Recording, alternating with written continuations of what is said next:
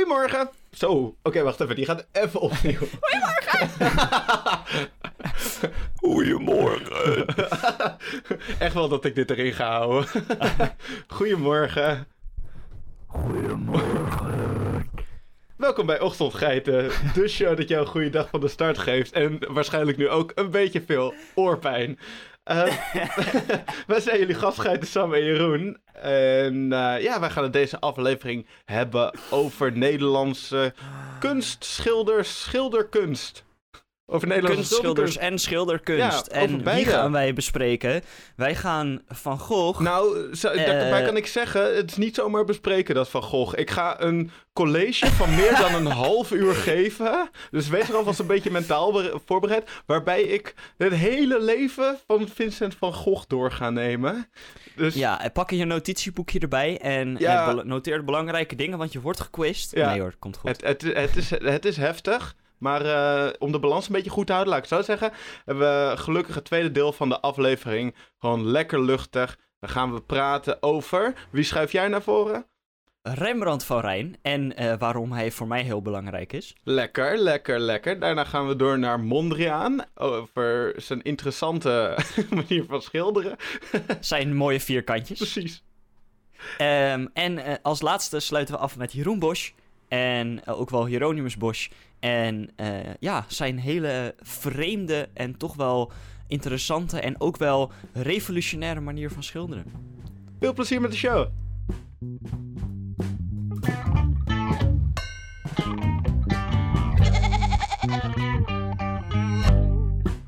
Sam, wat vind jij van de schilderij van Vincent van Gogh?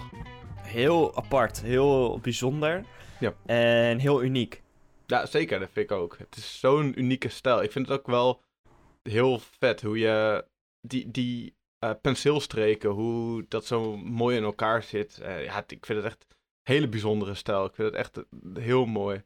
En ik vind dat ook, wat ik ook interessant vind, is waar dan zo'n stijl van zo'n individu, in dit geval van Gogh, waar die dan vandaan komt. Want ja, meestal valt zoiets te herleiden vanuit de levensloop van de kunstenaar. Dus bij deze wil ik ook even doornemen met uh, jou en met de gezellige luisteraars uh, over wat ik heb gevonden erover. En ja, waarom Vincent van Gogh zo uniek schilderde. En ik moet wel zeggen, het is een lang verhaal. Dus uh, ga maar lekker achterover zitten als je zit. Ga lekker rechtop staan wanneer je staat. En ga heel hard rennen wanneer je aan het hardlopen bent. Want het kan eventjes duren, maar ik vond het wel... Het is allemaal belangrijk van hoe... Van het verhaal van Vincent van Gogh en hoe hij het hij uiteindelijk schilderde en hoe zijn werk is zoals we het vandaag kennen. Dus uh, je staat een soort van geposeerd als Jezus. Wil je hier iets mee zeggen, Sam? Ik ben aan het T-posen. Oh, dat is heel mooi. Daar hebben we heel erg van genoten. Nou, ik uh, ga het verhaal maar lekker beginnen. En uh, we beginnen natuurlijk bij het begin van het verhaal van elk leven. En dat is de geboorte. Uh, Vincent van Gogh is geboren op 30 maart 1853 in het Brabantse dorp Sundert. Hij was kind van de predikant Theodorus van Gogh en van Anna Camber Cambertus spannende namen. Er komen ook heel veel namen naar voren waarvan ik heel benieuwd ben hoe ik ze ga uitspreken. Maar ik heb goed, ik heb goed geoefend. Uh, hun eerste zoontje, ook Vincent, die was een jaar geleden op dezelfde datum doodgeboren. En psychologen sluiten niet uit dat, uh, dat door, die, uh, door de geboorte van Vincent, dat dat precies op de sterfdag was van zijn oudere broertje, dat dat bepalend is geweest voor zijn ontwikkeling. Uh, ontwikkeling. En in hoeverre die gebeurtenis dan ook een schaduw over het gezin wierp, is niet na te gaan. En of Vincent de gebeurte, uh, van de gebeurtenis veel last heeft gehad, is ook heel erg onduidelijk.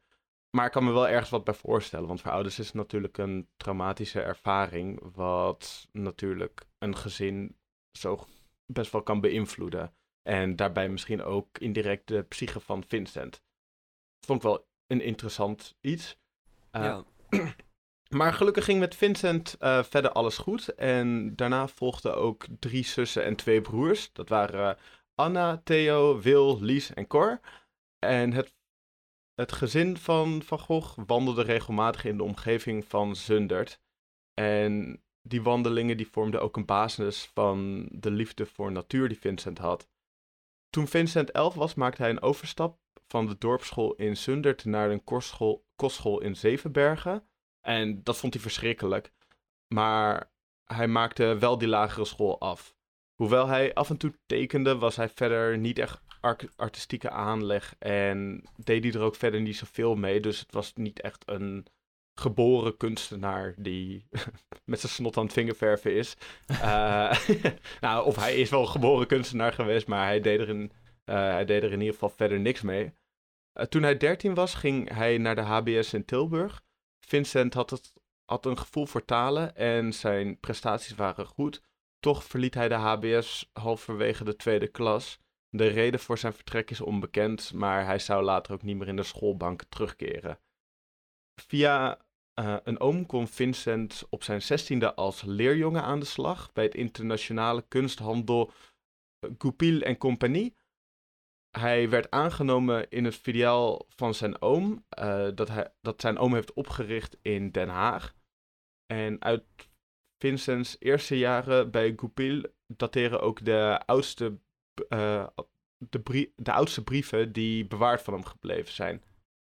September 1872 werd het stand, uh, startpunt in het levenslange brieven wisselen dat hij en zijn broer Theo hadden. En uit deze briefwisselingen valt ja, op de dag van vandaag nog heel veel op te halen over hoe, ja, hoe Vincent dacht en wat voor dingen hij meemaakte en wat hij daar ook over dacht. Dus het is een hele rijke verzameling en heel, heel fijn voor ons dat hij het uh, zo heeft bijgehouden met zijn broer Theo. En Theo ging begin 1873 ook werken bij Goupil, maar dan in Brussel. En in datzelfde jaar werd Vincent overgeplaatst naar Goupil in Londen. In Londen bezocht Vincent in zijn vrije tijd veel beroemde musea, zoals het British Museum en de, National Gallery. Hij bewonderde daar, de, daar onder andere vooral het werk van boerenschilders als François Millet en Jules Breton. Verder las hij ook van alles, uh, museumgidsen en tijdschriften en ook literatuur en poëzie. In 1975 werd hij overgeplaatst naar Parijs en ging hij zich steeds meer bezighouden met religie. De brieven die hij uh, in die tijd ook aan Theo schreef, staan vol met bijbelcitaten en... Oh, Sam heeft heel erg. Ja, dat is een dingetje. Sam heeft dus heel erg last van zagende mensen op de achtergrond soms. Dus uh, daar gaan we even goed uh, doorheen. Maar als het lullen. goed is, merken jullie daar niks van. Nee, precies. En anders heb ik het er waarschijnlijk ook uitgeknipt. Ja. Want zo ben ik dan ook wel weer. Uh, maar dat, die brieven die hij aan Theo schreef, die staan vol met bijbelcitaten en beschrijvingen van kerkdiensten en preken. Hij was dus heel erg bezig met religie toen. Ondanks zijn belang belangstelling voor kunst vond Vincent het werk in de kunsthandel steeds minder interessant. Zijn werkgevers bij Goupil waren dan ook steeds minder tevreden over hem en in 1876 werd hij dan ook ontslagen. Hij was dus heel erg met kunst bezig en hield ervan, maar ja, hij vond zijn werk dus niet boeiend helaas. Dus voor hem heel vervelend, maar nou, om egoïstisch te doen, dat zorgde wel uiteindelijk voor de kunstwerken die we vandaag de dag hebben en die iedereen over de wereld kent. Maar we lopen nu een beetje op de zaak vooruit.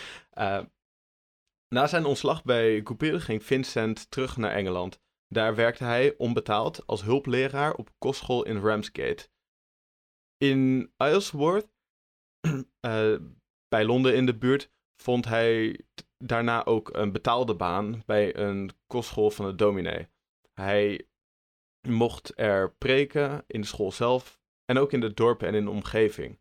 Toch was er voor de baan zelf weinig vooruitzicht. En in kerstmis 1876 bracht Vincent door bij zijn ouders in Brabant. En op het advies van zijn vader keerde hij verder niet terug naar, uh, naar Engeland, omdat er ja, niks verder meer in zat voor hem daar. En bleef hij toen in Nederland.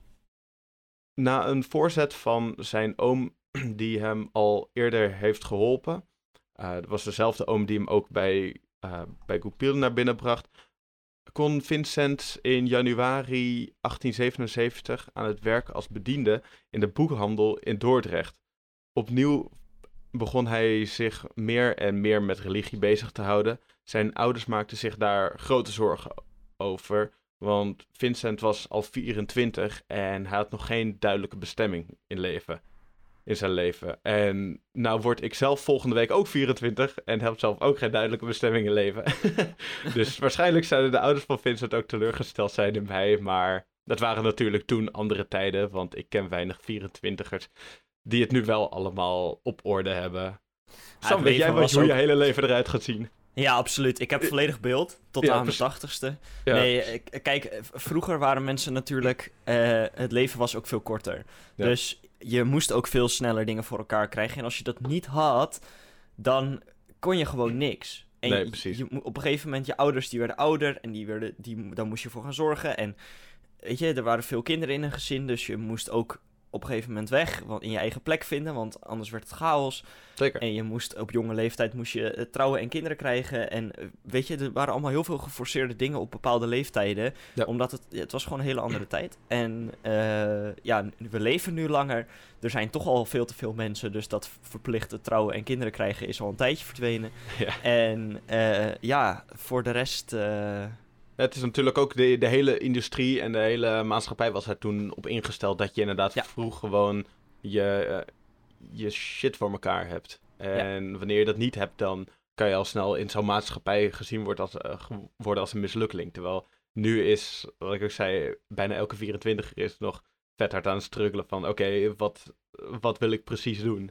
Maar daar is de maatschappij ook op is gewoon een mislukkeling. Dat is gewoon wat je zegt. In de ogen van uh, iemand in 1877 wel, ja. ja. Maar ja, uh, om weer terug te komen op het verhaal. Uh, na een paar maanden vonden de ouders het goed dat Vincent theologie wilde gaan studeren. Maar, en dat was ook omdat hij de school niet afgemaakt heeft, moest hij helaas wel een staatsexamen doen. En een jaar lang woonde Vincent in huis bij een oom in Amsterdam. Bij de voorbereidingen op het staatsexamen en de studie theologie kreeg hij daarna, daarbij ook hulp van een andere oom die, die predikant was. Hij had dus veel ooms die hem goed wilden helpen. Dat was wel heel fijn. Maar alle steun van zijn familie leidde helaas uiteindelijk tot niks. Want uh, Vincent die miste gewoon de discipline om te gaan studeren. Hij dwaalde liever rond in de stad en maakte lange wandelingen. En zijn oom, de predikant, adviseerde hem ook uiteindelijk om te gaan stoppen met zijn studie. Omdat hmm. hij zag dat het toch niet, uh, niet heel veel uit zou komen verder en hij het toch niet fijn vond. En gewoon ja, die discipline dus miste. Een jarenlange opleiding was voor Vincent dus totaal niet uitbesteed. Uh, maar toch wilde hij graag God dienen. Na zijn vertrek in Amsterdam vond hij een nieuwe bestemming in België. Uh, België. In België. In het uh, mijnengebied van de Borinage kon hij aan de slag als lekenprediker. Hij gaf les, bezocht zieken en las voor uit de Bijbel. In de Borinage leefde Vincent midden tussen de mijnwerkers en ook op dezelfde manier als zij, dus in gewoon armoede. Hij sliep op de vloer en gaf al zijn bezittingen weg. Door die grote betrokkenheid werd hij al gauw de Christus van de kolenmijn genoemd. Toch slaagde hij niet in in de opdracht om een hechte geloofsgemeenschap in elkaar te, bij elkaar te krijgen. Dus zijn contract werd helaas niet verlengd. In, uh, in, uh, dus dat is heel erg jammer voor hem, maar voor mij werd hij daar ook niet al te gelukkig van. Misschien wel hoor, ik weet niet, uh, ik kan niet in zijn hoofd kijken. In de brieven naar zijn broer Theo maakte Vincent regelmatig schetsen en soms stuurde hij een tekeningetje mee van wat hij had gezien. Uiteindelijk leidde dat tot een belangrijke omkeer in het leven van Vincent. Want Theo adviseerde hem om meer met tekenen te gaan doen. Vincent raakte hiervan overtuigd dat hij als kunstenaar ook, uh, ook God goed kon dienen. In oktober 1880 verhuisde hij naar Brussel en daar werkte hij aan zijn tekentechniek en kwam hij in contact met andere kunstenaars omdat hij geen betaald werk had, kreeg hij af en toe wat geld van Theo toegestuurd. In de, in de lente van 1881 ging Vincent weer bij zijn ouders wonen. Die waren inmiddels verhuisd naar Etten, wat ook in Brabant ligt. Vincent oefende met tekenen en werkte vaak in de open lucht. Zijn broer Theo was inmiddels bedrijfsleider bij Goupil en Compagnie in Parijs. Hij zorgde ervoor dat Vincent zich helemaal op het kunstenaarschap kon richten en werd daarbij ook financieel gesteund door Theo. Vincent's ouders waren wel erg teleurgesteld in hun oudste zoon dat hij voor een kunstenaarsbestaan had gekozen. In hun ogen was het dus een beetje hetzelfde als een maatschappelijke mislukking. het hielp daarbij niet dat Vincent ook verliefd was geworden op, op zijn nicht, Kay Vos. Zij was een weduwe en wilde verder niks van hem weten, maar Vincent hield stug vol. En dat viel bij zijn familie niet zo in goede aard. Na een ruzie met zijn vader verliet Vincent op kerstdag 1881 het ouderlijk huis. Zijn nieuwe woonplaats werd toen Den Haag. In Den Haag kreeg Vincent schilderles van een aangetrouwde neef, de beroemde kunstenaar Anton Mauve. Of Mauve, ik weet niet hoe je dat precies. Nou ja, voor mij is het Mauve. uh, daarnaast, werd, uh, daarnaast bleef hij fanatiek tekenen, want hij vond dat hij daarin eigenlijk nog te weinig oefende. Van een oom kreeg hij zijn eerste betaalde opdracht. Dat waren twaalf getekende uh, stadsgezichten van Den Haag. Die reeks bood hem ook de kans om goed te oefenen met perspectief. Van Mauve leerde Vincent de beginselen van het schilderen in aquarel en oliver, uh, olieverf. Hij kwam bijna dagelijks op het atelier, dus Vincent begon hier ook echt een, een professioneel kunstenaar te worden. En het heeft, e-, het heeft even geduurd voordat hij er was, maar dan, uh, ja, nu maakt hij voor zijn leven, voor zijn baan, maakt hij uh, kunst. En in begin 1882 ontmoette Vincent Hornick. Zij was niet alleen uh, zijn model, maar zij werd ook zijn geliefde.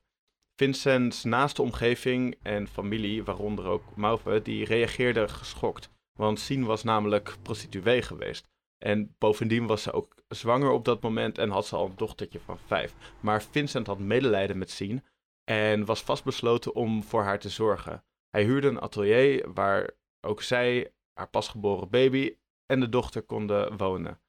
Theo was het niet eens met Vincents keuze, maar bleef wel financieel ondersteunen. Van de liefde van een broer. Uh, koppig hield Vincent ook vol, maar uiteindelijk zag hij dat de relatie met Sien hem minder bracht dan dat hij zou willen, dus verbrak hij de relatie. Na de breuk met Sien vertrok Vincent naar het Drentse platteland om heide- en veenlandschappen te tekenen en schilderen. Hij vond het mooi en hij ging vol goede moed aan het werk. Toch bracht de provincie hem niet enkel rust en inspiratie. Ook regen, kou en eenzaamheid maakten dat Vincent na nog geen drie maanden in uh, Drenthe wegging en weer terugreisde naar zijn ouders in het Brabantse dorpje Neunen. Of Nuenen. Weet ik veel hoe ik dat weer uitspreek. Hij wordt pas leuk straks met de, met de Franse dorpsnaampjes. Uh, hij startte een klein uh, atelier in de achterzijde van het huis van zijn ouders. En huurde na een paar maanden ook een gro grotere ruimte verder in het dorp. Nuenen, of Neunen, ik zeg het maar zo, was een ideale omgeving voor een boerenschilder, want er woonden veel boeren, landarbeiders en wevers. Vincent schetste en schilderde eigenlijk wanneer hij maar kon. Begin 1884 stelde hij Theo voor dat, dat, hij eigen, dat Theo dus eigenaar zou worden van het werk in ruil voor het geld dat hij Vincent stuurde. Want Vincent die voelde zich ook wel een beetje ja, vervelend over dat hij alleen maar geld kreeg voor niks. Dus um, ja, het was dan de bedoeling dat Theo de schilderijen zou verkopen in de kunsthandel in Parijs. Maar daar kwam helaas echter niks van terecht, want de Franse smaak was meer gericht op kleur. En Vincent's werk was met name heel erg donker. Het zou ook nog even duren voordat daar verandering in zou komen. Voor Vincent ouders was het samenwonen met hun zoon niet gemakkelijk. Want ja, Vincent was niet iemand die zich echt gedroeg zoals het hoorde.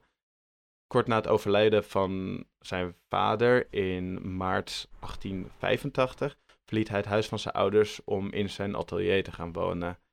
Daar begon hij aan het werk voor een, uh, met ja, een bekend schilderij van hem. En dat is de aardappeleter. Dat is dat schilderij waarbij je mensen rond een tafel aardappels ziet eten. Ja, dat, dat, is echt, dat is echt wat boerenschilders in die tijd tekenden. Dat soort portretten en dat soort plaatjes. Allemaal heel grauwig, heel donker.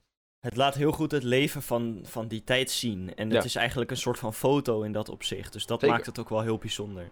Zeker, zeker. Maar het, het vertelt naast inderdaad dat het, zeg maar, door die donkere en die, die, dat grauwige en zo, er is, dat is nog extra toegevoegd. Dat was het ook inderdaad in de avond, want ze hadden heel weinig licht. Maar doordat overal zo'n filter opgeplakt is, is het net zoals in een film, wanneer er iets donkerder is, is het ook soms spannender, maar ook soms treuriger en zo.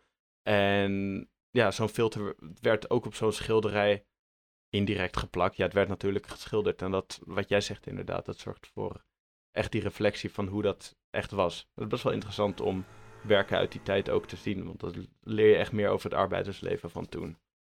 Dus interessant. Uh, Vincent combineerde het harde werken aan, ja, in dat geval dus de boeren die rond de scho uh, schotel aardappelen s'avonds zaten, met veel roken en slecht eten. Het grootste deel van zijn geld ging op naar, aan kunstenaarsmaterialen. Later in het jaar besloot Vincent zich in te schrijven aan de kunstacademie in Antwerpen. Hij zou daarna ook niet meer naar Nederland terugkeren. Antwerpen had Vincent heel veel te bieden. Had goede materialen, tekenclubs met modellen en volop kunst in kerken, musea en galleries. De tekenlessen aan de kunstacademie vond hij echter veel, veel te traditioneel. Daarom bleef Vincent ook niet lang hangen in Antwerpen. Met Theo overlegde hij een plan om naar Parijs te komen en les te nemen in het atelier van Fernand Cormont. Die was schilder die onder andere ja, bij heel veel uh, buitenlandse studenten erg populair was. Theo vond het verstandig eerst een appartement te zoeken dat groot genoeg was voor hemzelf en zijn broer. Maar voordat dit was gelukt, arriveerde Vincent eind uh, februari 1886 al in Parijs. Theo was bedrijfsleider van de kunsthandel Goupil in Parijs. Dus na, uh, na Brussel is Theo dus naar Parijs gegaan, zoals ik het, als ik het goed begrijp. En ja, ze liet, uh, ze liet Vincent, sorry, hij liet Vincent uh, kennismaken met het kleurrijke werk van bekende moderne schilders als Claude Monet. In het atelier van Fernand Cormont leerde Vincent ook nieuwe generatie kunstenaars kennen. Al die, uh, al die nieuwe indrukken en nieuwe mensen hadden heel veel invloed op uh, Vincents eigen werk. Vincent had genoeg inspiratie gekregen om volop te kunnen experimenteren. Dus in plaats van het donkere, wat hij eerder vanuit, de, vanuit die boerenschilderijen zeg maar, had, zoals bijvoorbeeld de aardappeleters, maakte dat ook snel plaats voor wat lichtere tinten. Zoals in de heuvels van Montrère, waar ook die steengroeven zitten. Onder invloed van de moderne kunst werd Vincents werk in Parijs veel lichter. Hij maakte gebruik van fellere kleuren en ontwikkelde een eigen manier van schilderen. Met, kort, ja, met korte penseelstreken. Denk bijvoorbeeld, als je het zelfportret van Vincent van Gogh, of een van de zelfportretten, want hij heeft er meerdere, kent, dan zie je inderdaad die fijne penselstreken. Dus dat is een ideaal voorbeeld ervan. Maar ook heel veel andere werk van hem heeft dat. Ook uh, veranderde zijn onderwerp. In plaats van dat hij werkende boeren schilderde, schilderde hij nu cafés en boulevards, het platteland uh, langs de Seine en bloemstillevens. Dus gewoon bloemen los, zoals zonnebloemvelden.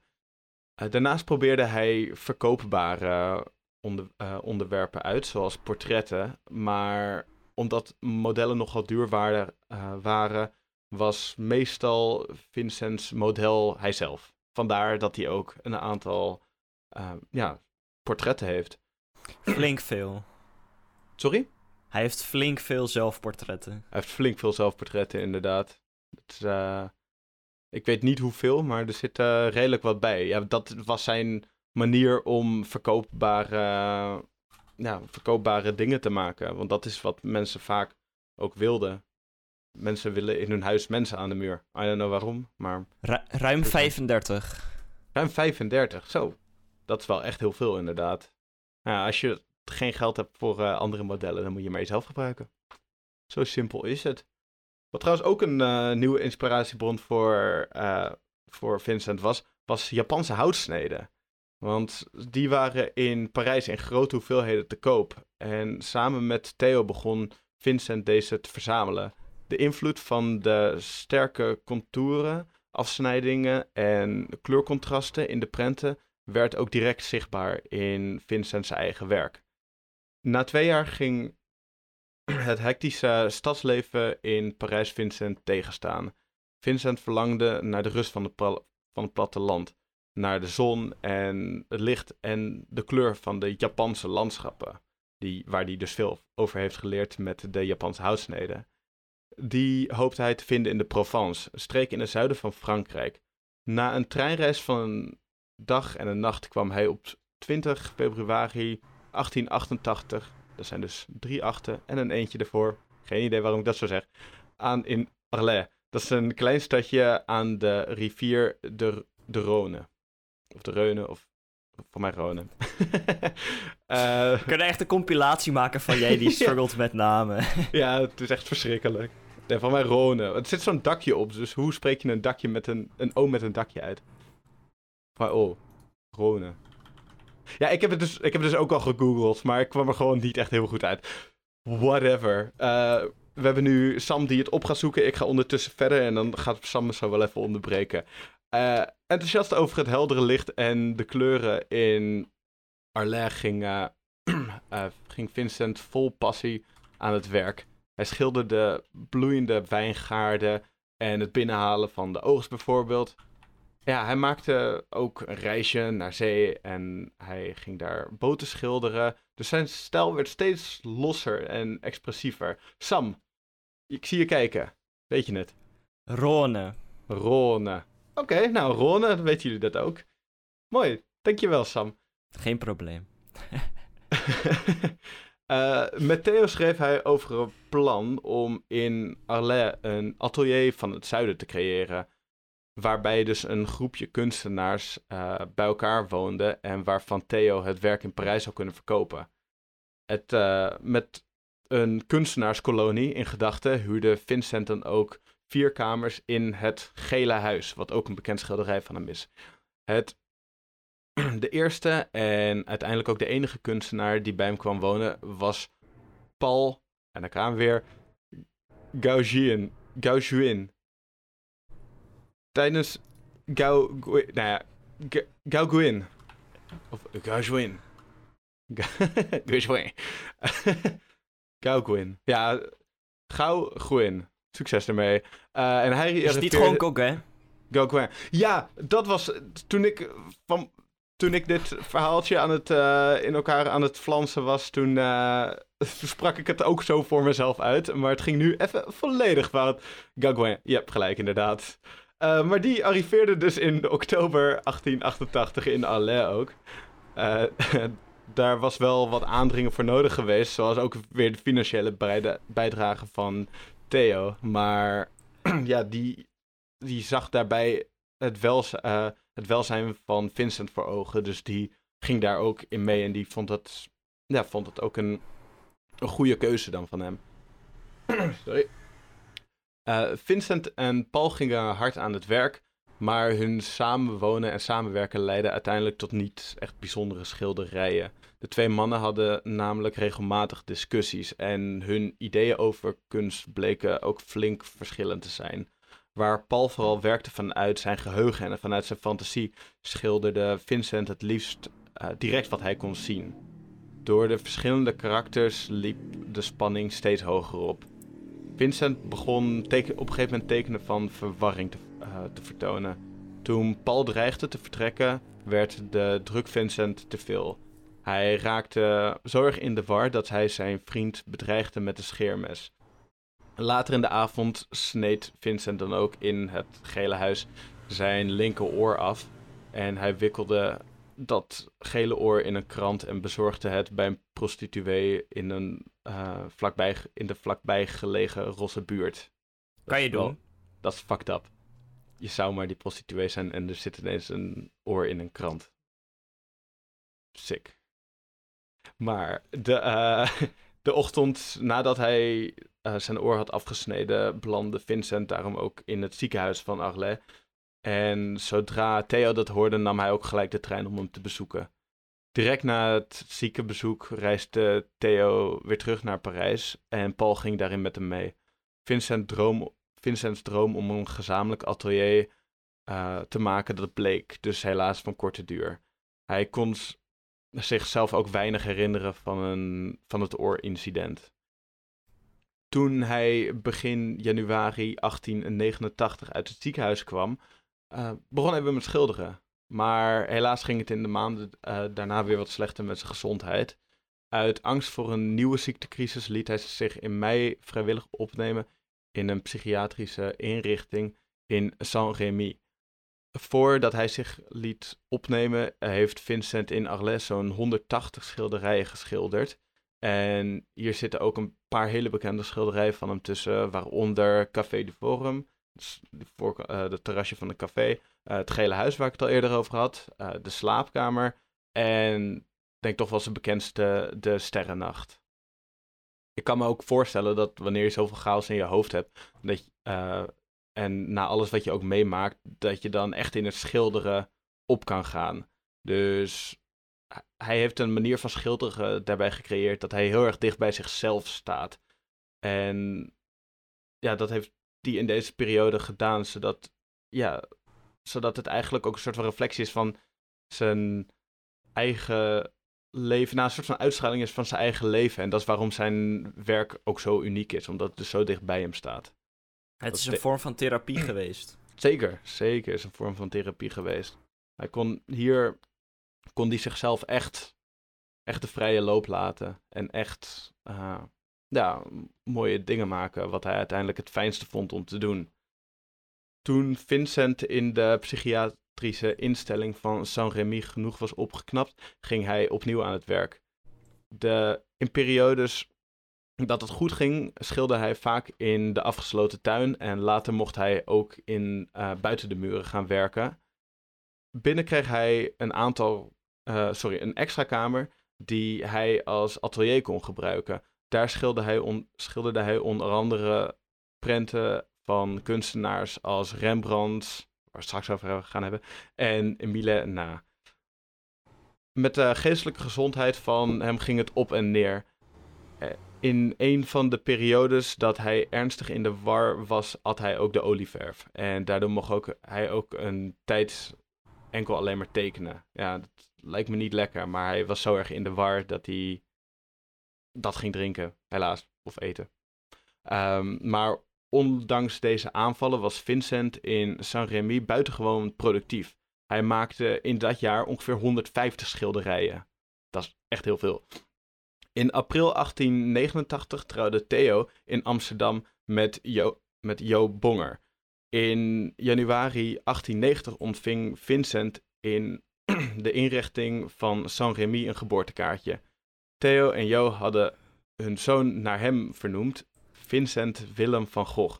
Als kraamcadeau stuurde hij een speciaal schilderij. Dat was de amandelbloesem. Ook tegenwoordig een uh, erg bekend schilderij van Vincent van Gogh. Zes van Vincent's schilderijen waren begin 1890 te zien in Brussel. Op een, groepst op een groepstentoonstelling van de Belgische kunstenaarsvereniging Le Vingt. Dat zei ik volgens mij goed. In het tijdschrift waren, ja, waren dat uh, toen uitkwam, waren de, wat, kwam er ook een heel positief artikel uit over zijn werk. En dat was geschreven door de kunstcriticus Albert Aurier. Of Aurier, whatever. uh, tijdens de expositie werd een van de tentoongestelde werken verkocht. De Rode Wijngaard. De waardering voor Vincents werk begon toen op gang te komen.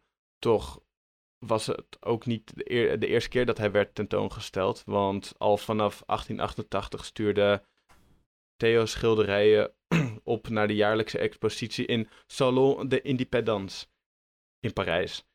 In maart 1890 hingen er tien van Vincent werken. En ja, de reacties waren daar erg positief op.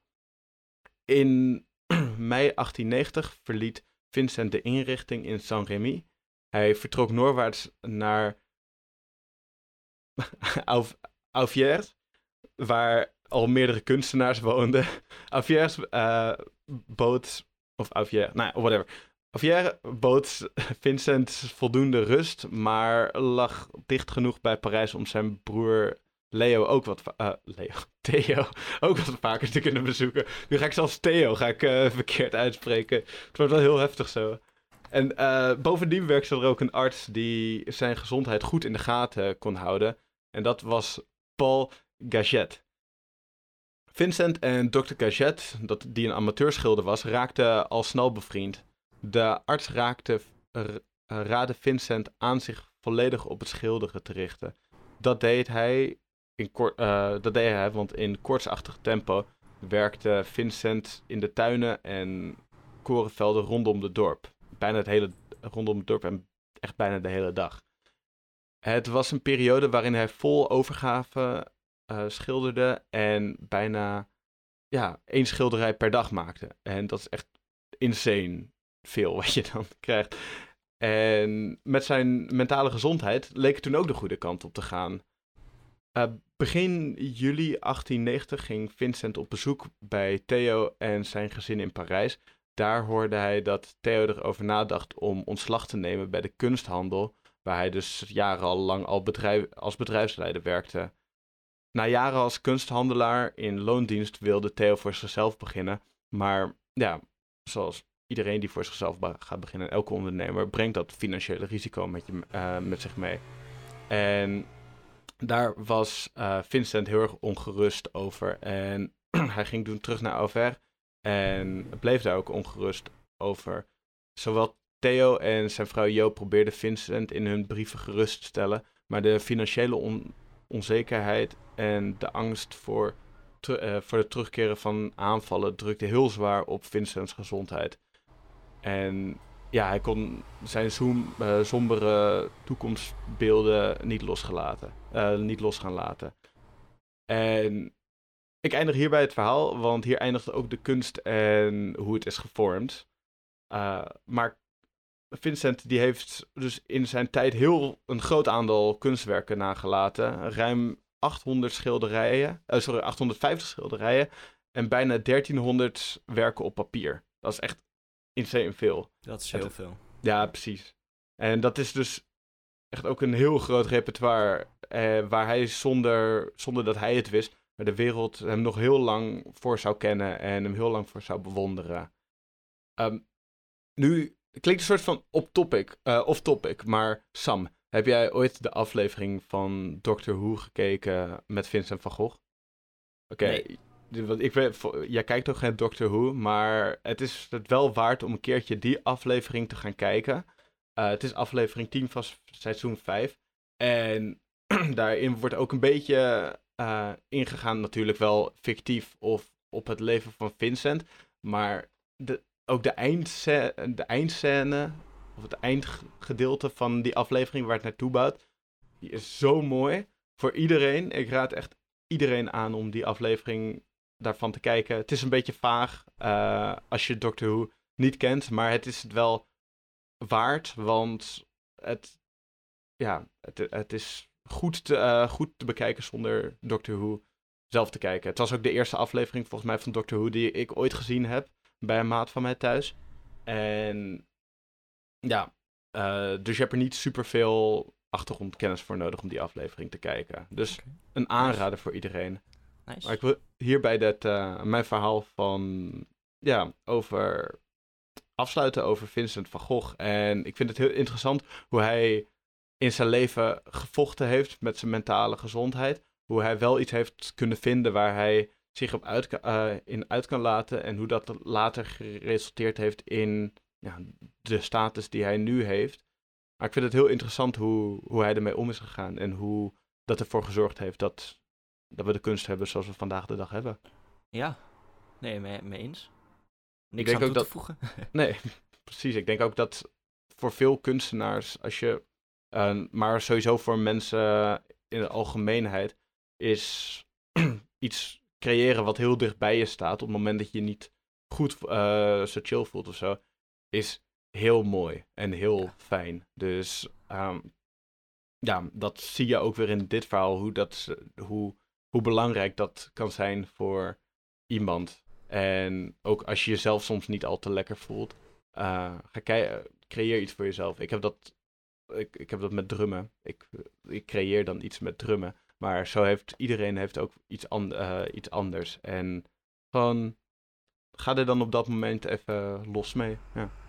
Ik schrijf verhalen. Iedereen heeft een manier. Dus laten we nu even eh, lekker het eh, ontbijtje gaan bespreken. Ja, nou, ontbijt. Ontbijten met geiten. Eh, ik heb het niet met geiten gedaan. Ehm, deze keer. Dat klinkt wel heel vreemd uit context, maar dat is wel zo. Ehm, jij hebt mij eh, een prachtig recept gegeven van eh, eh, ja, gepoachte eieren ehm, met heerlijke Hollandaise saus. yes.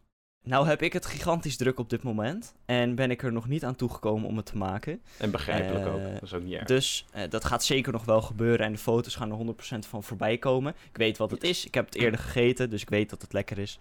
Maar eh, ja, ik heb gewoon geen tijd. Een student heeft een leven, helaas. En ik En- zou het anders en- willen, maar De huur moet ook betaald worden. ook dat inderdaad.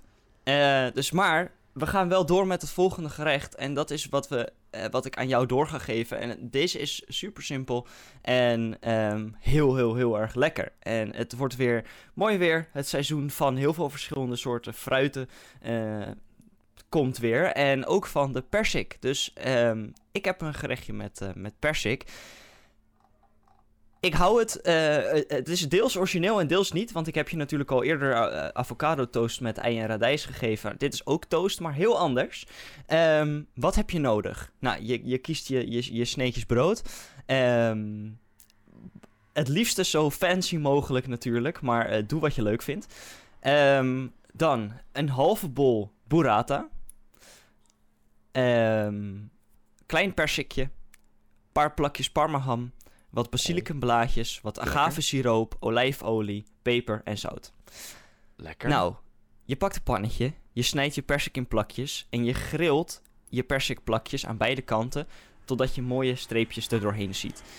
Ehm, vergeet je pan niet in te vetten, anders dan eh, heb je eh heel erg aangekoekte persik en dan kan je er niks meer mee. Eh, niet onbelangrijk. Dan eh, rooster je je broodjes en eh, op welke manier je ook wilt en snij je je basilicum fijn. Dan verdeel je de burrata over de broodjes en beleg je met de parmaham, eh persik en de basilicum. En dan giet je er een klein beetje agavesiroop, één eetlepeltje overheen. En wat peper en zout en dat is het. Oh, wat lekker. En wat lekker simpel klinkt het ook. Ja, en toch zijn er heel veel smaken en heel veel lagen. Dus ja, Ik ben heel erg benieuwd. Ik, eh, ik, ik ga het proberen. Ik kan me niet heel veel op dit moment nog bij de smaak voorstellen. En daarom moet ik er gewoon lekker in gaan duiken. En het lekker proberen. En het lekker gaan eten. ja bijvoorbeeld meloen met ham gaat heel goed samen. Dit is een beetje Ja, hetzelfde idee. Oké. Maar Ja. dan met de frisse van basilicum erbij. Yes. En het romige en crème-achtige van de burrata. Lekker. Lekker man. Zeker. Lekker. Dus ik wens je daar heel veel plezier mee. Ja, want dankjewel. Het, is, het ga- slaat echt nergens op. Het is super lekker. Ja, ik, ga het, eh, ik ga het goed in elkaar gooien. En eh, ik ga ervan genieten. Hmm, Nice. lekker. Nou, wij schakelen weer even terug in de tijd. En ik ga toch wel even iets verder terug dan de periode van Van Gogh. We gaan terug Oeh. naar eh 1606, 15 Zo. juli om specifiek te zijn. Dat is de dag dat Rembrandt Harmenszoon van Rijn is geboren in Leiden. En eh, ja, iedereen kent hem. In ieder geval, eh, bijna elke Nederlander kent hem. Mhm. Dat is zo'n beetje deel van de, van de cultuur. Dat, dat, je kan er niet omheen als Dat je leer Nederlands je, bent. leer je in de basisscholen, leer je al van die naam en leer je van de nachtwacht. Als je een beetje in de cultuur zit, een beetje op televisie kijkt, dat soort dingen, dan, dan ken je het gewoon. Ja, precies. Nou, er is een reden dat ik specifiek over Rembrandt wil vertellen. En die is heel persoonlijk. En daar kom ik later op terug. Maar ik ga eerst wat vertellen over hem. Ehm, hij was een Nederlandse kunstschilder, etser en tekenaar. Hij deed heel veel verschillende dingen. Um, geldt algemeen als een van de grootste schilders en etsers in de Europese kunst. En als de belangrijkste Hollandse meester van de 17e eeuw. Nou, je had een Hollandse stijl. Dat was gewoon de manier van schilderen die in Nederland in de Gouden Eeuw heel belangrijk was. En uh, als je die Hollandse stijl uh, heel goed kon en je gebruikte dat en je had een school en je gaf les daarin, dan was je een Hollandse meester. Je had het echt, je had die techniek volledig onder de knie. Dan was dat jouw, uh, ja, jouw, jouw, jouw naam, zeg maar, jouw functie. Uh, Rembrandt vervaardigde in totaal ongeveer 300 schilderijen, 300 etsen en 2000 tekeningen. Oh. Dus als we het over heel veel kunst hebben, dan sluit deze er wel bij aan. Ongelooflijk. Um, Rembrandt beschouwde zichzelf vooral uh, als een historie- en portretschilder. Hij was een zelfverzekerde man en vervaardigde in alle levensfasen, maar vooral na 1660, door iedereen bewonderde zelfportretten. De 100 geschilderde en 20 geëtste zelfportretten geven een opmerkelijk scherp beeld van zijn uiterlijk en een vermoeden van zijn gevoelens. Hij beeldde zichzelf af als de apostel Paulus en zette zichzelf in zijn zelfportret uit 1658 neer als een koning uit het oosten. Oh, wow. nou, je ziet dus wel dat hij zich in heel veel verschillende, of zichzelf in heel veel verschillende historische figuren neerzet. Ook bijbelse figuren. Maar niet alleen zichzelf. Um, ook zijn vrouw Saskia Uilenburg, zijn zoon Titus van Rijn en zijn huishoudster slash vriendin Hendrikje Stoffels zijn in zijn schilderijen aanwezig. Ze hebben gefungeerd als model voor bijbelse, mythologische of historische figuren. Dus heel veel verschillende uh, ja, verschillende types. En je merkt dat ook wel terug. Hij deed er dingen van die tijd, maar ook dingen van het verleden. Um, er is heel veel in zijn leven gebeurd qua verschillende fases. Er zijn vijf verschillende um, levensfases die uh, door uh, ja, de kunstwetenschappers worden weergegeven als mensen toeren door mijn straat, man. Als, uh, als zijn, zijn leven. En uh, die kan je indelen in verschillende periodes. Leidse jaren, Amsterdamse periode, tweede Amsterdamse periode, derde Amsterdamse periode. Oh. En de laatste jaren aan de Rozengracht. Um, ja, hij heeft heel veel verschillende dingen gedaan. Hij heeft mensen opgeleid, hij heeft um, een werkplaats gedeeld met uh, uh, verschillende bekende mensen. Uh, hij heeft, is naar de Latijnse school geweest. Dat zijn allemaal, hij heeft een heel interessant verleden, heel breed. Hij wist heel veel. Ja. En daarom was hij ook zo'n goede schilder. Maar dat gezegd te hebben, ga ik over naar het persoonlijke gedeelte. En dat is dat Rembrandt van Rijn mijn familie heeft geschilderd. Oeh. En dat is toch wel iets wat niet overgeslagen kan worden. In nee, mijn inderdaad. geval in ieder geval. En um, ja, als ik het er niet over zou hebben, dan zou mijn familie tegen mij zeggen: waarom heb je het niet hierover gehad? Ja, ja, Want dit is het belangrijkste deel van onze familie. Um, Daar en dat word je is ook echt zo. ja, nou ja, dit is wel heel bijzonder. Um, ik sta niet, of tenminste ik, ik heb er verder niks mee te maken, maar mijn, uh, mijn aangetrouwde familie, want dat is wel belangrijk om te zeggen, maar, uh, staat niet zomaar afgebeeld. Het staat afgebeeld op het bekendste schilderij van Rembrandt en dat is de Nachtwacht. Nee joh. En um, het is niet alleen uh, dat hij erop staat, maar het is ook geschilderd voor mijn familie. Um, Yo, wat? Ja, het is heel bizar. Ik, kan, ik besef het ook niet echt. Ik weet het al mijn hele leven, maar het is nog steeds een heel vaag iets in mijn brein. wat ik gewoon niet echt kan realiseren. Um, ja. De Nachtwacht is, bestaat uit een compagnie van, uh, van mensen. En mm -hmm. uh, de kapitein, Frans Banning-Kok, en luitenant Willem van Ruitenburg... die uh, ja, maken zich gereed om te marcheren. Dat is ongeveer de naam van vroeger. En uh, nu heet het gewoon de Nachtwacht. Komt omdat het zo donker is, maar dat was niet de originele naam. Nou is Frans Banning-Kok dus mijn familie. Wel, weliswaar aangetrouwd, maar hij is het wel. En hij staat voorop in het zwart. En hij was dus de kapitein. Willem van Ruitenburg uh, wow, in het goud is... staat ernaast.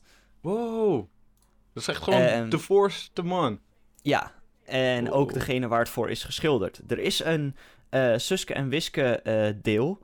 Uh, strip. En die gaat hier ook over. En die vertelt ook meer over de geschiedenis van Frans Banning Kok en uh, zo en zo. En dat gaat dus ook direct over mijn familie. En Sick. het is een heel bizar besef. En ook elke keer als ik de nachtwacht weer zie, dan breekt mijn brein in een paar stukken. Omdat ik gewoon niet kan bedenken dat dat zo is. Ja, um, Het is wereldberoemd, weet je. En dan, ja, dus dat. Um, het is van mijn oma's kant, van mijn vaders kant. Dus ik ben 1 64ste van hem. Ehm, dus het is nog wel dichterbij dan, eh, Oh, wauw, inderdaad. dan je zou zeggen. Ja. Ehm, dat was eh, even eh, de nachtwacht. Hij heeft natuurlijk heel veel andere schilderijen gemaakt. Hè? Mensen die mensen ook kennen, het Joodse bruidje bijvoorbeeld. En dat is ook wel grappig, want die heeft mijn oma in haar woonkamer hangen. En natuurlijk niet het origineel, want dat zou echt insane zijn. Eh, die hangt mooi Mijn in het museum. heel groot. Ja, die, woont in, die, die hangt in het Rijksmuseum. Maar mijn oma die zegt altijd: dat is niet zo. Het origineel hangt hier. En de namaak hangt in het museum. Oh, wat leuk. Dat zegt ze natuurlijk als grap. Maar dat is wel een Ja. mooi, eh, mooi ding. Nou ja, Ja. ik denk bijvoorbeeld aan andere dingen zoals de Staalmeesters, eh, eh, Christus in de Storm. eh, heel veel verschillende soorten schilderijen die heel beroemd zijn geworden. Heel veel zelfportretten. Maar ja, hij heeft dus wel ook wel heel veel religieuze thema's aangetikt. En ehm, ja, daar slaat mijn, sluit mijn, mijn, de tweede schilder waar ik over wil vertellen ook wel bij aan. En heel veel religieuze onderwerpen. Maar Ja. Die parkeer ik nog even. Eh, ik geef het stokje over aan jou, Jeroen. En ehm, ik ben heel benieuwd over welke schilder jij het nou zou gaan hebben. Ja, ik spannend, weet spannend. het al, maar Alsnog ben je benieuwd. Ga ik Ja. het ook echt uitspreken? Ga ik het goed uitspreken? Dat is de Wie vraag. je weet het nooit vandaag. Ik moest echt even heel goed denken welke andere Nederlandse schilder ik verder ook nog... Ja, waarbij ik echt wat voelde, waarbij ik over wilde gaan praten. En ik zat ook te denken van, hé, ik wil even iets wat mod eh, moderners kiezen.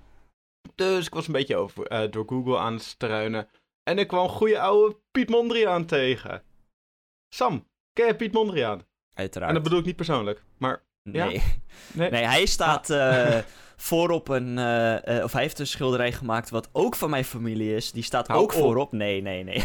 nee dat zou wel heel ver gaan. Hou op. Nee, dat zou wel heel erg insane zijn. Dat is ook gewoon, dan is het ook gewoon niet geloofwaardig. meer. Nee, precies. Dan, eh, dan is het hele verhaal van dit kan je ook gewoon gelijk de prullenbakken Ja, gaan. ja. Overigens, trouwens, eh, eh, wat ik nog ben vergeten te vertellen. Ik, ik weet dat ik vooral in je ver- volledig in Nee je verhaal joh, inhaak. gooi maar maar doorheen. Ehm, ik heb een familieboek met eh, stamboom en alles. En Mhm. dat gaat terug tot ongeveer 1200. Yo, en wat? ja, er is heel veel nog bekend over mijn familie. En omdat het allemaal door de jaren heen genoteerd is. Ja. Ehm, en voorop het boek staat ook het wapen van Frans Wanninkok. Vet. Ja, ik weet nou niet of ik daar nou op in moet gaan of niet. nou ja, maakt verder niet uit. Ik laat het gewoon lekker, wel voor de mensen thuis, dat ze ook deze strijd die jij hebt met het geluid en het, Het feit dat er buiten gezaagd wordt, laat ik gewoon lekker in. Haha, lekker voor je.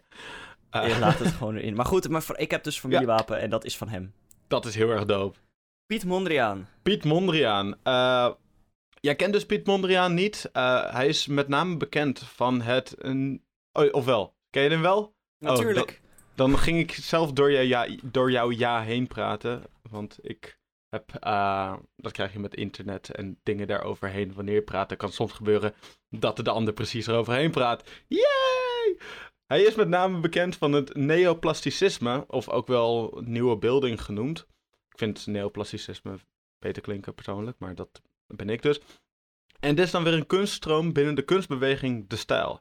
En dat komt uiteindelijk van een, eh, van een, een tijdschrift dat eh, een tijdje geleden was uitgegeven, genaamd De Stijl.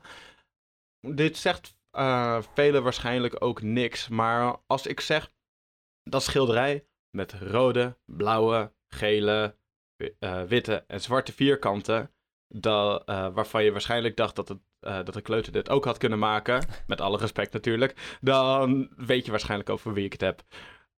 Ehm, wat de kleuter alleen niet zou hebben ge- eh, gedaan, is om het hele idee uit te werken.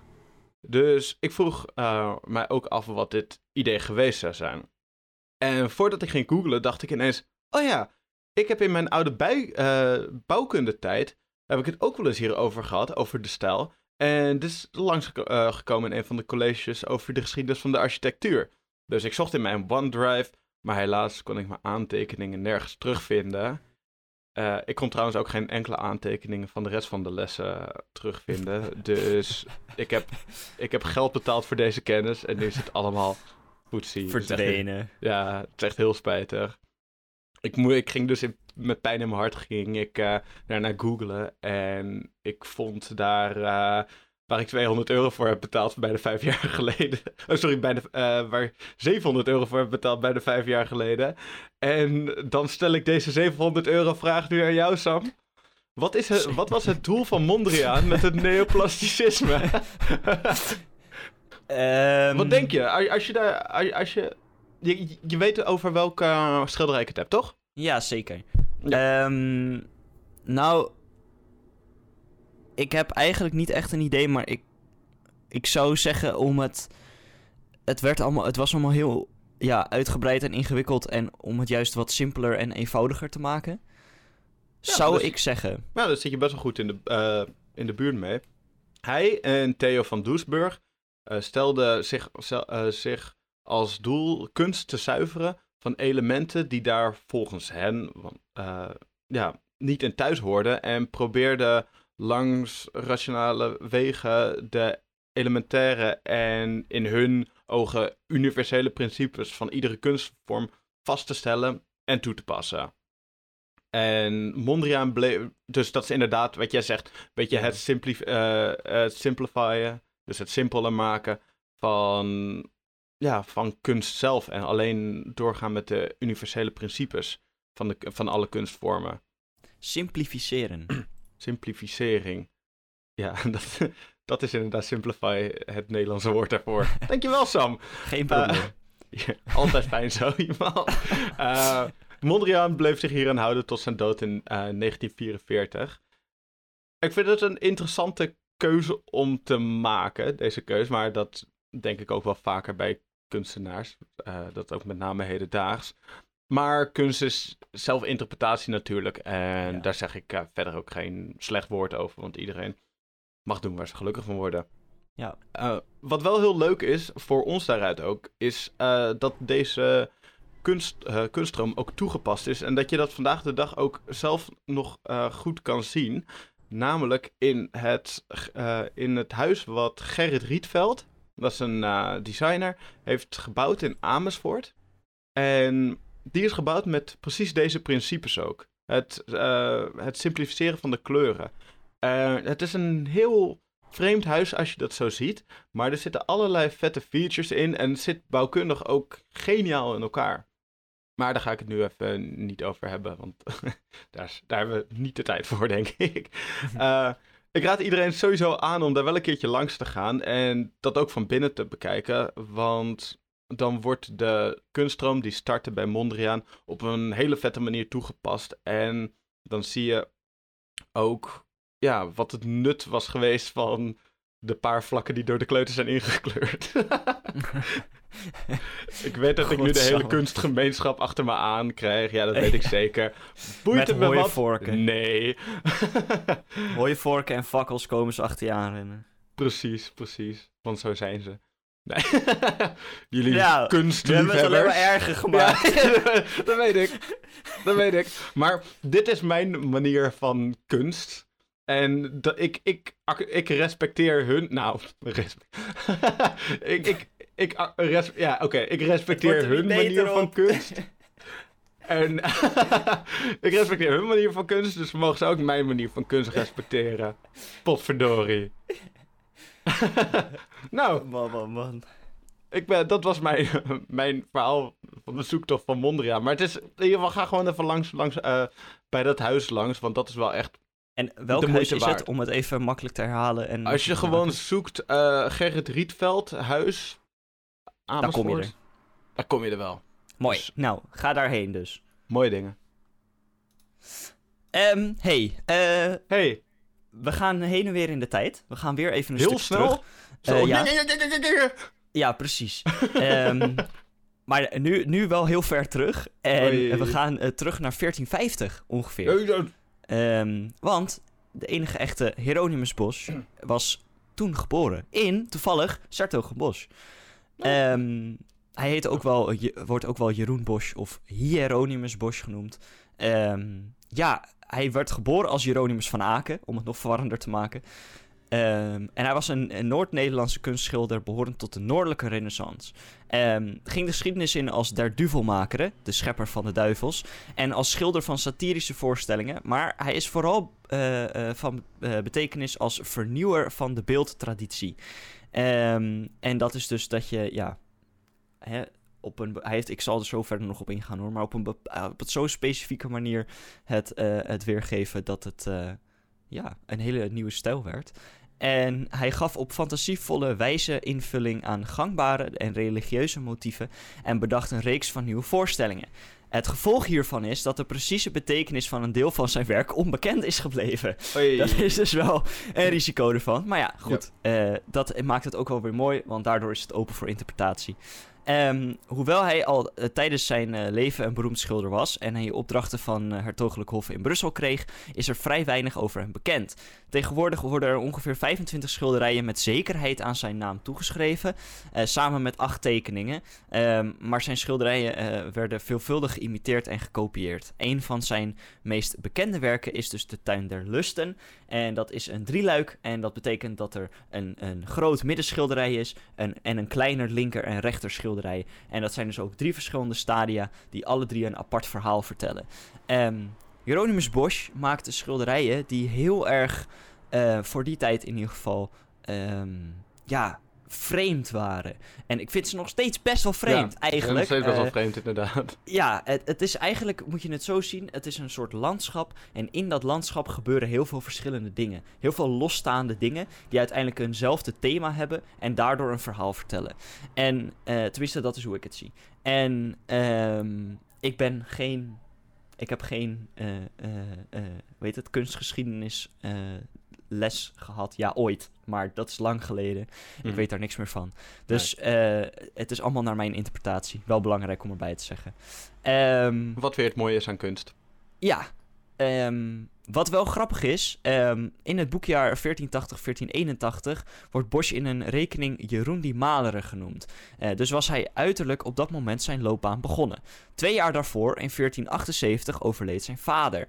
Mogelijk zette Jeronimus zijn broer eh, Goesen het familieatelier voort.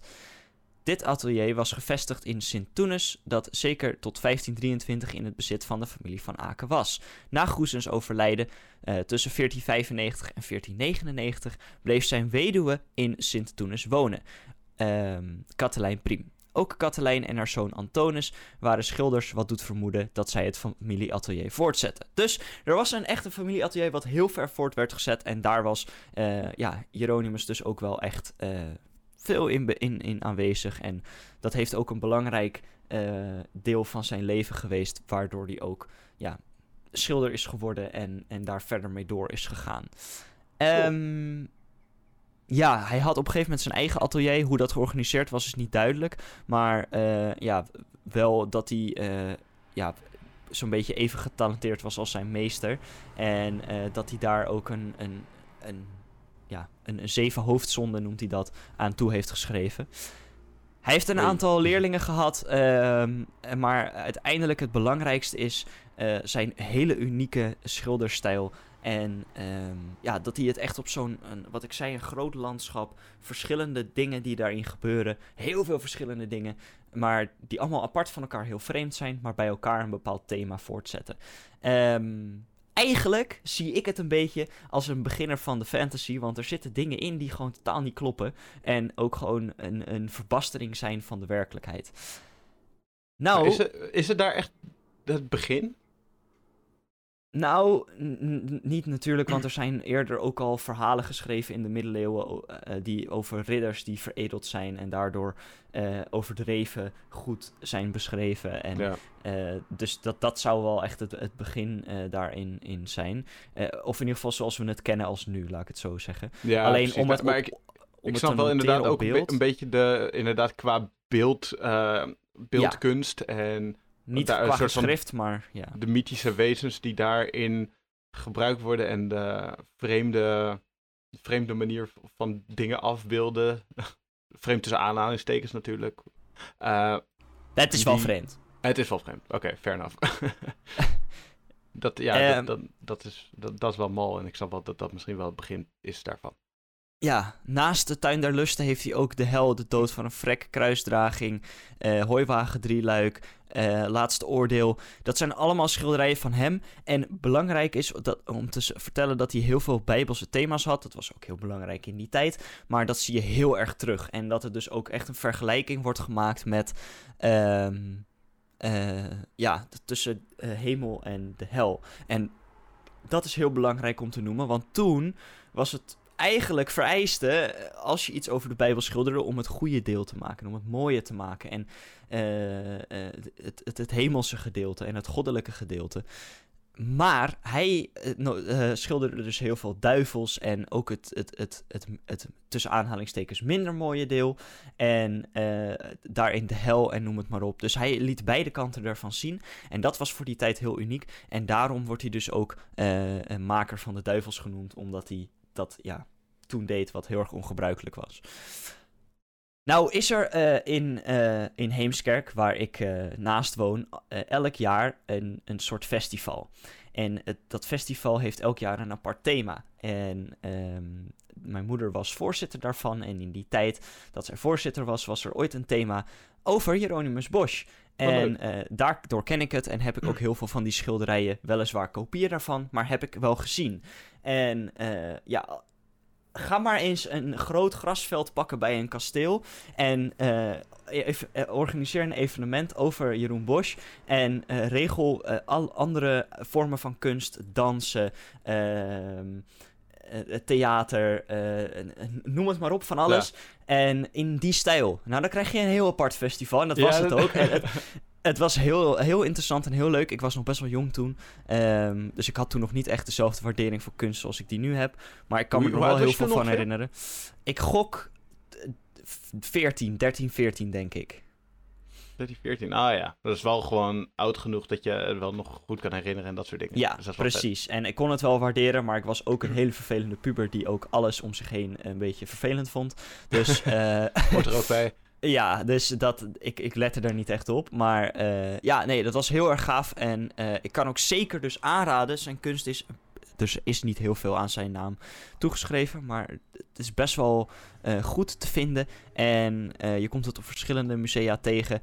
Als je het tegenkomt, herken je het meteen. En eh, het stal zal je ook echt wel bijstaan. Maar ik hoop dat nu ik deze informatie heb verteld... dat de mensen die zich nu, eh, die nu een, een schilderij van hem tegenkomen ja, dat wat bewuster zien. En eh, ook wel denken van, hé, hey, dat is hij. En dat is bijzonder, want er is weinig van hem te vinden. Nice. Lekker man. Ik, weet je wat trouwens leuk is aan die naam? Dat ik een, dat ik, Dat jij die Ja. ook hebt. Dat, ik- dat ik naamgenoot ben inderdaad. Maar grappig is ook, mijn, ik heet ook als roepnaam gewoon Jeroen. Maar mijn, mijn echte naam is ook Jeronimus. Ja, Jeronimus. ja dat, had ik al gehoopt. Ja, nee, Dat, en eh, er is ook verder helemaal niks van waar, maar het zou wel mooi zijn. Helaas. nou, ik hoopte dat je je een soort van, dat je helemaal confused was, maar nee. Ik ben veel te goed gelovig. Ja, ja, dat, ja, ben je zo goed gelovig? Nou, schijnbaar. Nou, fair enough, fair enough. Ik ben, ik ben nog, goed, nog goeder gelovig. Ik ben nog beter gelovig. zeg je dat zo? Ik weet het niet. Nog meer goed gelovig. Ik heb een keertje eh, leuke anekdote om mij af te sluiten. Dit heeft verder niks met het onderwerp te maken. Maar dit heeft over mijn goedgelovigheid te maken. Ik was een keertje eh, eh, gewoon met mijn vader aan het lopen. En hij zei, hij zei heel random ineens van... Weet je wat de, eh, wat de Belgische naam van Bruce Springsteen is? Chefke Huppelkei. En ik was echt van, echt waar? en hij heel hard lachen. Maar dat laat ook inderdaad zien dat mijn eerste reactie is... Klopt dat? Niet van, serieus pap? Ja, ja ik heb, ik heb eh, ouders die mij vroeger ook graag in de maling neemden. Ja. Daarvoor ben ik wel wat kritischer geworden. ja, Maar- ja, dat, dat heb ik dus ook. Ja, Precies ik heb nog nu. wel vaak momenten dat ik denk van... Ah, dit nam ik wel iets te makkelijk aan. Maar goed. Eh, dat eh, eh, maakt het Hoort, ook wel hoort mooi. je ook weer bij. Ja, precies. Allemaal mooi in het leven. Eh, wij hebben het een tijdje geleden gehad over eh, eh, museumpas en, of museumkaart. En dat Ja. wij daar wat mee gaan doen. Dat Ja. gaan we doen. En dan zullen we misschien wel een aantal van deze schilderijen tegenkomen. Zeker. En ja, die, die knallen we dan op de Instagram. En dan hebben we mooie dingen om op terug te kijken. Zeker. Het en gaat op vooruit mij te kijken. waarschijnlijk nog wel eventjes duren, aangezien jij het echt poepie druk hebt met je studie op dit moment. Ja, Dus eh, maar het wordt zomer. precies, het wordt zomer, alles wordt weer beter. Dus eh, we, gaan er, we gaan er een mooie zomer van maken met z'n allen. En inderdaad lekker ons, ons cultureel kapot snuiven. Ja, nou ja. als je dat, zo is- zegt. Ja, nou ja. Ja, ik Ja. heb er niks aan toe te voegen eigenlijk. ik ben het er volledig mee eens. En eh, ja, wederom, als je trouwens eh, eh, eh, benieuwd bent naar een aantal van deze schilderijen die wij hebben genoemd, eh, we gooien ze in onze, in onze story. Dus dan kan je ze mooi een beetje bekijken. Ehm, hele fijne week. Ja. Hele fijne dag. Ja. Geniet van de eh, toast met eh burrata, eh, persik en parmaham. Geniet Ja. van het mooie weer. Geniet van jezelf. Ja. Geniet van de mensen om je heen. Ehm, en kijk af en toe even om je heen en heb waardering voor de dingen om je heen. Dat zeggen we wel vaker, maar het blijft Doe- belangrijk. Doe gewoon. Nou. Doei! Doei!